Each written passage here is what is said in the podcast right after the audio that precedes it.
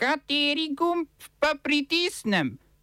Tisti, na katerem piše OF. Malezijska vlada odstopila. Strategije socialne pravičnosti predsednika ZDA Joea Bidna in indijskega premijeja Narendra Modija.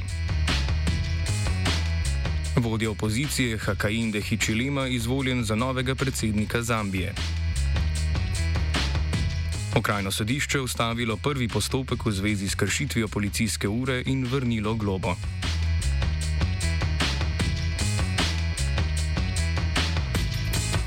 Predsednik Združenih držav Amerike Josip Biden je v tokratni epizodi zamegljevanja strukturnih problemov konzervativce razjezil s povečanjem vrednosti tako imenovanih kuponov za hrano.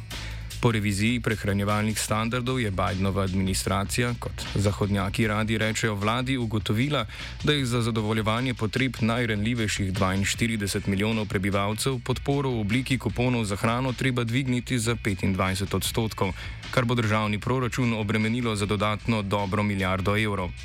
Pomoč posamezniku se bo tako na mesečni ravni dvignila z dobrih 100 evrov na dobrih 130 evrov, kar pomeni približno pet obrokov več v najljubšem kiosku s hitro prehrano. Medtem je predsednik indijske vlade Narendra Modi na 75. obletnico osvoboditve izpod britanskega jarma napovedal dobrih tisoč milijard evrov vreden infrastrukturni načrt za spodbuditev indijskega gospodarstva. Pomoč naj bi bila usmerjena v gradnjo cest na območju celotnega indijskega podeželja, izpolnitev zavarovalniških in pokojninskih schem ter pro promocijo podjetij na tujih trgih. Modi je svetovni in indijski javnosti sicer znan po podobnih predlogih, na veliko slabšem glasu pa je njegovo izpolnjevanje obljub tudi tistih v najnovejšem infrastrukturnem predlogu, ki so ga opozicija in številni ekonomisti pospremili s precej skepse, tudi zato, ker je predlagana vsota približno dvakrat višja od letnega prihodka v indijski proračun.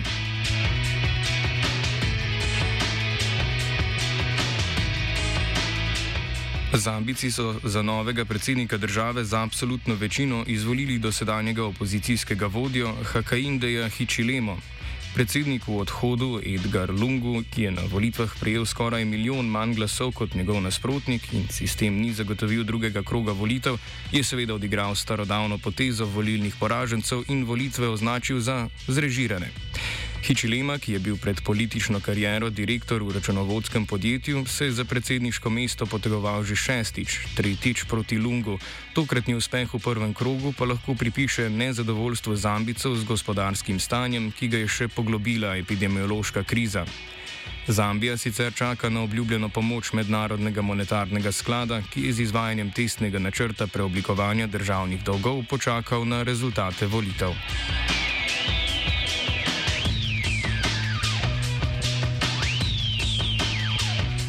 Po zgolj 17 mesecih na oblasti je odstopila malezijska vlada, ki je štela 70 ministrov s premijejem Muhidinom Jasinom na čelu in s tem porušila rekord v kratkosti vodenja te države.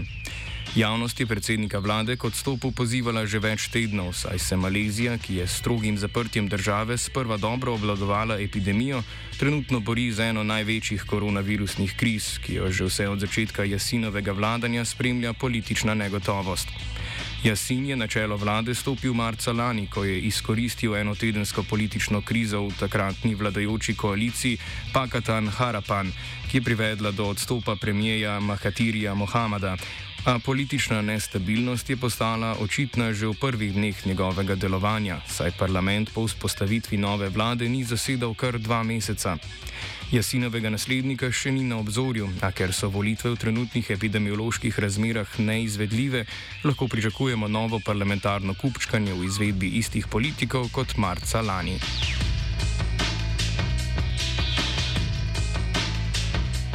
Ukrajinska neonacistična paravojaška skupina Nacionalni korpus je v protestih proti sprejemu tako imenovane Steinmeierjeve formule za prekinitev vojaških spopadov na ukrajinsko-ruskem obmejnem področju poškodovala vsaj osem policistov. Spopadi med neonacistično skupino, ki je nastala iz zdaj uradnega dela ukrajinske vojske z imenom Bataljon Azov, in policijo so izbruhnili potem, ko so pripadniki nacionalnega korpusa poskušali prodreti v park pred predsedniško palačo v Kijevu, ne da bi varuhom reda in miru razkrili svojo identiteto. Steinmeierjeva formula, predlog nekdanjega zunanjega ministra in današnjega nemškega predsednika, ki jo podpira tudi ukrajinski predsednik Volodomir Zelenski, predvideva izvedbo volitev v sporni regiji Donbass, vzpostavitev meja iz časa pred začetkom vojne leta 2014 in podelitev avtonomije trenutnim paradržavam v Donbassu. Oba, če, bom odgovoril na angliški. Slovenija will try to help. We can Slovenija will and we will do our utmost To say that the situation is our problem ourselves. and uh, We will make further steps as soon as the conditions are bomo vlado Marjana Cererja Mira- Marjana Cererja Šarca podprli. uh, very, very serious. we know how and we will. Mreža za pomoč virusu ter ogrožanju zdravja in življenj, kot pravno mrežo za varstvo demokracije rad poimenuje najspravljivejši predsednik vlade na svetu, Janez Janša, je na okrajnem sodišču dosegla precedenčno zmago nad neustavnimi odloki za omejitev širjenja epidemije, natančneje nad 176-dnevno policijsko uro na prelomu preteklega leta. Okrajno sodišče je namreč v primeru posameznice, ki jo zastopa pravna mreža, ustavilo postopek o prekršitvi policijske ure in odločilo, da se iznesek globe 400 evrov vrne. Medtem je vlada na dopisni seji izdala nekaj enotedenskih odlokov za boj proti epidemiji. Ponovno je obvezna uporaba zaščitnih mask na javnih kulturnih prireditvah za vse razen nastopajoče. Na nekulturnih prireditvah, kot so verski obredi, uporaba zaščitnih sredstev in izkazovanje pogoja PCT še vedno nista priporočena.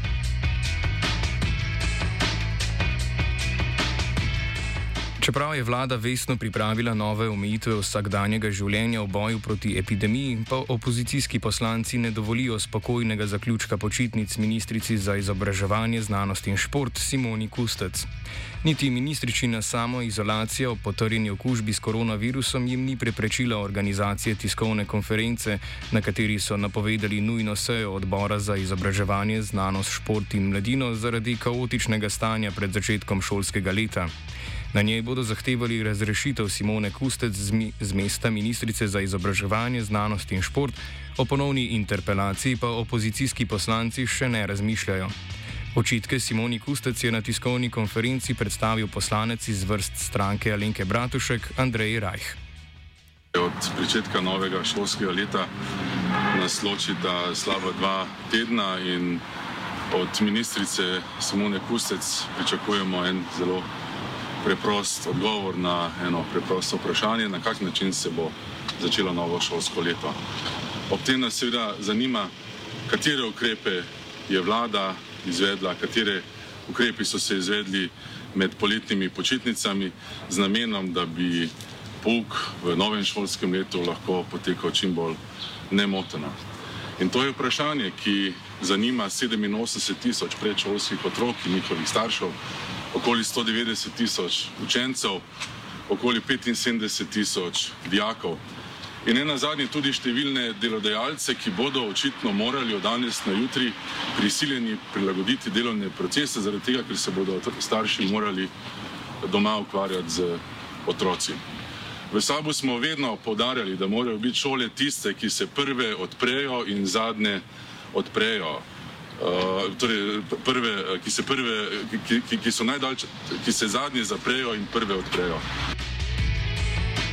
Po koncu današnjega dnevnega informativnega programa ne pozabite spremljati seje programskega sveta Radio Televizije Slovenija, na kateri svetniki na predlog novega generalnega direktorja Andreja Graha Vatmovga ta trenutek odločajo o razrešitvi direktorice televizije Natalije Gorščak. Če bo glasovalo vsaj 15 od 29 svetnikov, bo njihova odločitev obveljala, če pa jih bo manj, bo o razrešitvi direktorice odločal Grah Vatmu sam. Ne zamudite, saj javnemu nacionalnemu mediju ni v navadi, da bi posnetke sej naknadno objavil v javnosti.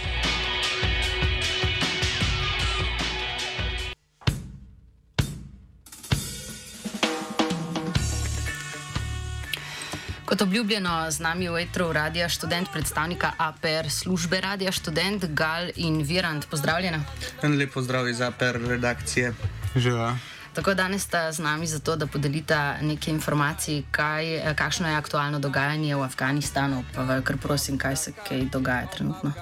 Ja, se pravi, v bistvu zdaj smo v vetru zaradi tega, ker je to, kar se dogaja v Afganistanu, mičkam preveč za sam en off. Uh, offside pa danes v tem ne bomo imeli, oziroma bomo imeli najbrž kultivator šele v petek. Uh, ja, se pravi, po eni strani precej dramatični uh, dogodki ta, ta ted, konc tedna. Ne? Se pravi, že v petek, ko smo imeli kultivator, smo govorili o tem, da so talibi zauzeli uh, več večjih mest, uh, glavni prostor, centri uh, populacije, se pravi Kandahar, Herat, uh, Laška Gar, ki je bil tudi. Um, uh, afganistanska vojska v bistvu postavila svojo glavno bojno front, črto. Um, no, potem pa v bistvu so v nedeljo padlo še zadnje večje mesto, poleg prestolnice Džalabad. In uh, talibski pač uporniki so obkrožili Kabul in se uh, na robu mesta ustavili, uh, ker uh, v bistvu niso rabili niti z silo prodeti v, v mesto ampak so se začeli dogovarjati, v bistvu, kako bojo prevzeli oblast. Ja, brez, brez izstreljenega metka so prišli v Kabul. Jaz znam, da sem celo soboto čakal, kdaj bo se začelo v Kabulu, da odprem YouTube, pa gledam streame, ampak pol na koncu smo samo slišali, da, da so mirno vkorakali z belimi zastavami v, v mesto, z belimi zastavami, ki predstavljajo njihovo gibanje, ne, ne pa s temi za predajo. Uh, zdaj pa se pogovarjajo, oziroma so se uh, kot pogovarjali o mirnem prevzemu oblasti, ampak se to ni čisto tako zgodilo. Ja, se pravi, v bistvu naj bi uh, se uh, ta, ta predaja oblasti se v bistvu ni zgodila. Uh, predsednik Ašraf Gani je uh, včeraj zvečer, oziroma danes zjutraj, zapustil uh, predsedniško palačo s helikopterjem in se uh, prebegnil v Tadžikistan. To sicer niso uradne informacije, uh, pač nik, nihče ga ni videl. Tepo to, da je predsednik Degani zapustil državo, je sicer uh, potrdil uh, vodja uh, tega uh, pogajalske skupine uh, za pogajanja afganistanske vlade z talibi, uh, Abdullah Abdullah ki uh, je sicer njegov glavni politični rival, bil do zadnjih uh, skoraj deset let v Afganistanu.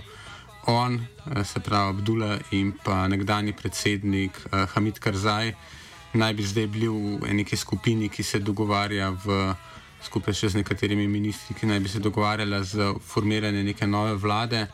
Uh, zdaj je vprašanje, v bistvu, koliko je sploh to, kar se tega bo zgodilo, glede na to, da talibi pravijo, da ne pristajajo na nobeno prehodno vlado. In zelo očitno je, da so oni tisti, ki bo v bistvu zdaj odločilo o tem, kako bo ta vlada se formirala. Eh, nasploh je pa kaos na letališču v Kabulu, trenutno vsi bežijo. Uh, rekli bi, uh, Saigon na steroidih, ne?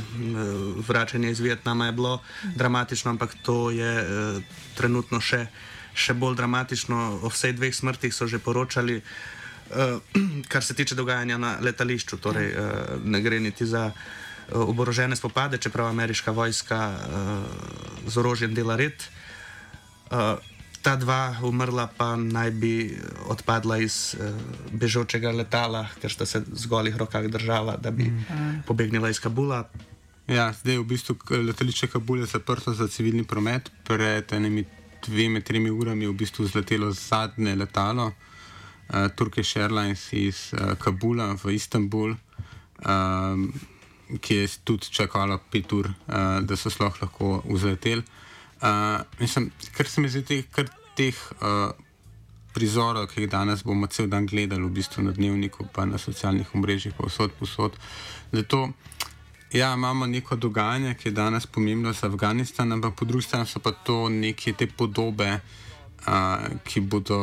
Uh, oblikovalo neko, nek kolektivni spomin ne samo tega paca Afganistana, ampak v bistvu cela, celega, cele uh, vojne v Afganistanu. Se pravi, to bojo neki, neke slike, ki si jih bomo vsi zapomnili in bo v bistvu uh, Se pravi, danes ni več možno razumeti afganistanske vojske brez v bistvu teh prizorov, ki jih danes smo videli na kabulskem letališču. Se pravi, zgodovina afganistanske vojne se v bistvu danes uh, je spremenila. No. Redo, najlepša hvala. No, s to mislijo ne, lahko obljubimo, obljubimo, eh, da bo več informacij, eh, tudi malo bolj natančno razdelanih v petkovem kultivatorju. Gal, Virant, zahvaljujem se vama za tole poročanje. Hvala tebi, ker si nas povabila. Ja. Tako, evo. Ostanite na 89,3 MHz. Off je pripravil Virant.